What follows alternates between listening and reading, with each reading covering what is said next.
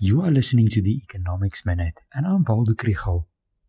When you try to explain or predict the exchange rate of the Rand, you end up making political analysts and weather forecasters look good. Over the past week, the Rand has strengthened against the dollar despite a long list of reasons why it should weaken. The Bureau of Economic Research gives the examples. Share prices fell on the Joburg Stock Exchange this was due to Naspers and Prosus's exposure to Chinese regulators. The prices of important export products such as iron ore and palladium have also fallen. This was caused by Chinese steps to cool down commodity prices.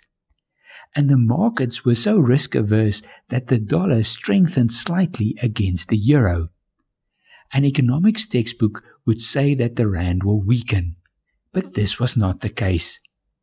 Just don't ask me what will happen this week.